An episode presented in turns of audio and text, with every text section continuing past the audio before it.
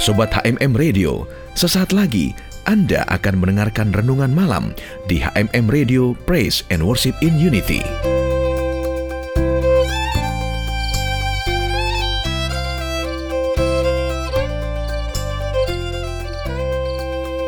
Shalom Sobat HMM Radio Topik malam ini kita akan bicara menjadi ciptaan baru atau manusia baru. Apa yang berbeda dari hidup yang lama atau manusia lama? Pembahasannya mungkin mudah ditangkap namun melakukannya perlu perjuangan, komitmen.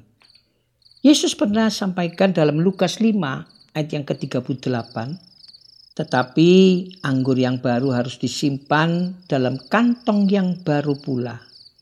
Nah, sebagai manusia baru di dalam Kristus, kita memiliki pola pikir baru dan hati yang baru. Perubahan pola pikir inilah yang disebut dengan kirbat yang baru. Sobatku, ini berbicara tentang pertobatan sejati, di mana kita tidak lagi hidup serupa dengan dunia ini, karena panca indera kita sudah terlatih sehingga dapat membedakan manakah yang menjadi kehendak Tuhan, apa yang baik dan yang berkenan kepadanya. Dengan kata lain kita tidak lagi hidup menurut keinginan daging, melainkan hidup menurut roh. Sebab keinginan daging berlawanan dengan keinginan roh dan keinginan roh berlawanan dengan keinginan daging karena keduanya bertentangan. Ini tertulis di Galatia 5 ayat yang ke-17. Nah sobatku, mungkin banyak orang berkata, hidup benar di tengah-tengah dunia jahat ini adalah perkara yang mustahil.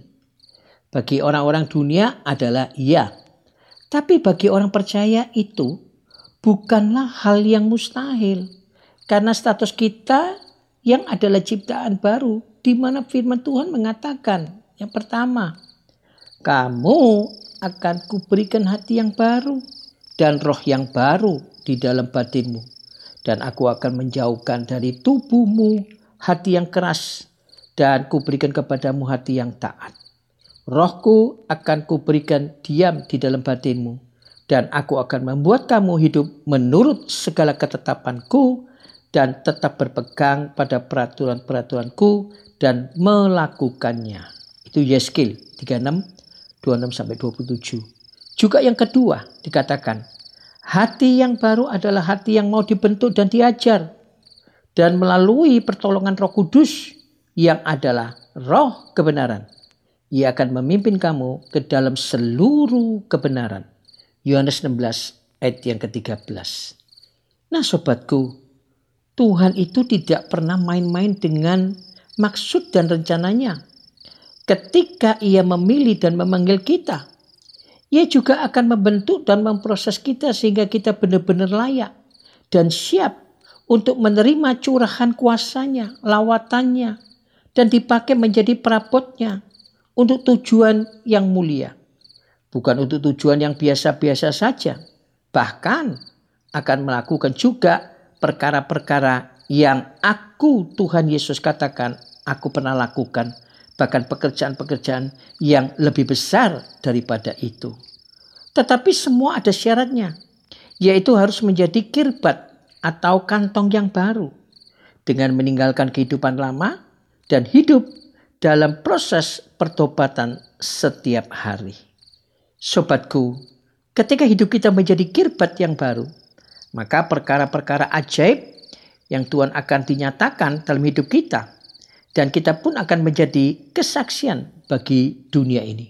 Jadi sobatku, pasti bisa kita orang percaya untuk melakukan kehidupan dengan ciptaan yang baru atau anggur yang baru. Sobatku, masih ingat tadi ya bahwa Tuhan akan memberikan hati yang baru, roh yang baru di dalam batin kita.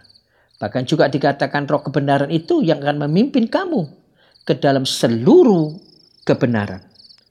Nah sobatku berikutnya dalam 2 Korintus 6 ayat 4 sampai 10 juga bisa Anda baca sendiri. Jika seorang murid itu kata lagai artinya bertukar nilai dengan Kristus, ia pasti akan menjadi ciptaan baru. Sesungguhnya apa yang akan terlihat dari seseorang yang sudah mengalami kehidupan manusia baru. Nah, di dalam ayat ini Paulus menunjukkan hidup barunya seseorang akan sangat berbeda. Di antaranya yang pertama, dalam segala hal menunjukkan hidupnya adalah pelayan Allah. Artinya taat dengan perintah-perintah Tuhan. Hidupnya yang mencerminkan karakternya Tuhan Yesus. Lalu yang kedua, waktu dalam aniaya, menderita, dalam kesesakan dan kesukaran, lalu juga dimasukkan dalam penjara dan menerima segala perlakuan yang tidak enak seperti yang Paulus alami, itu dapat menahan dengan penuh kesabaran. Ini tentu adalah kekuatan salah satunya di dalam kehidupan manusia baru. Lalu yang ketiga, tetap bekerja keras. Maksudnya rela, berjerilah payah, berjaga-jaga dan berpuasa. Juga yang keempat disampaikan, mengejar kemurnian hati, pengetahuan yang makin bertambah, bertumbuh dalam kesabaran dan bertambah akan sifat murah hatinya.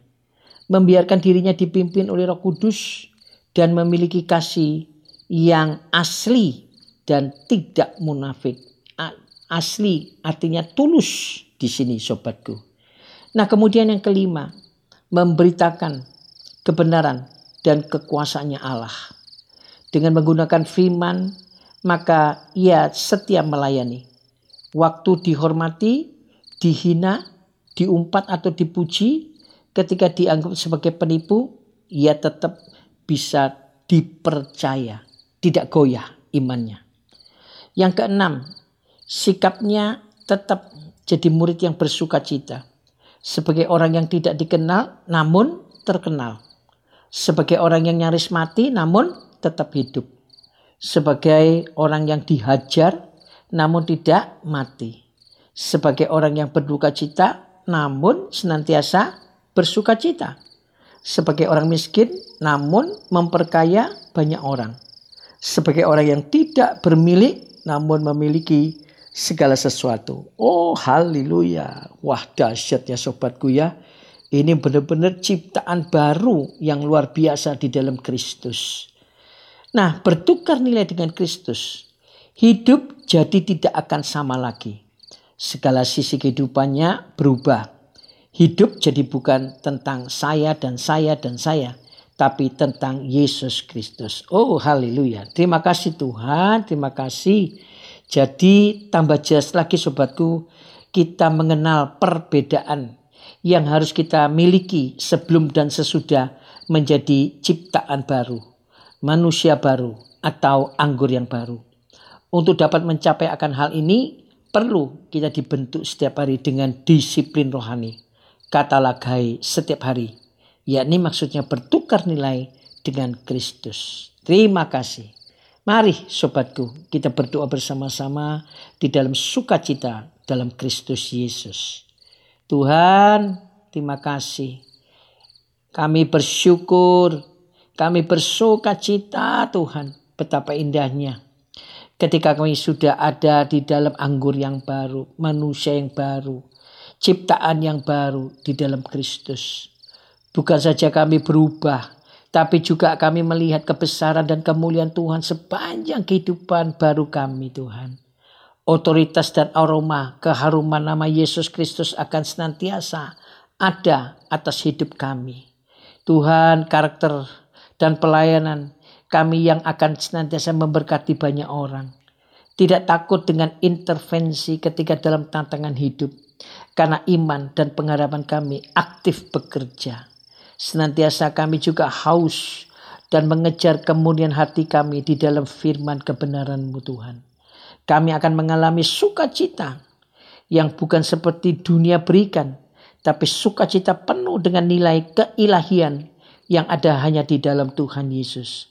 Kami dikenannya, kami dipeliharanya, kami dibelanya, bahkan kami dilindunginya. Oh haleluya, haleluya. Terima kasih Tuhan Yesus. Buat malam yang indah ini, buat anggur yang sudah kau berikan kepada kami, pengertian-pengertian yang baru bagi kami, semuanya akan memberikan kami semangat untuk kami setia tinggal di dalam ciptaan yang baru, manusia yang baru di dalam Yesus Kristus. Terima kasih Tuhan, di dalam nama Yesus kami sudah berdoa dan mengucap syukur. Haleluya. Amin. Sobatku, sampai jumpa dan selamat malam. Tuhan Yesus memberkati.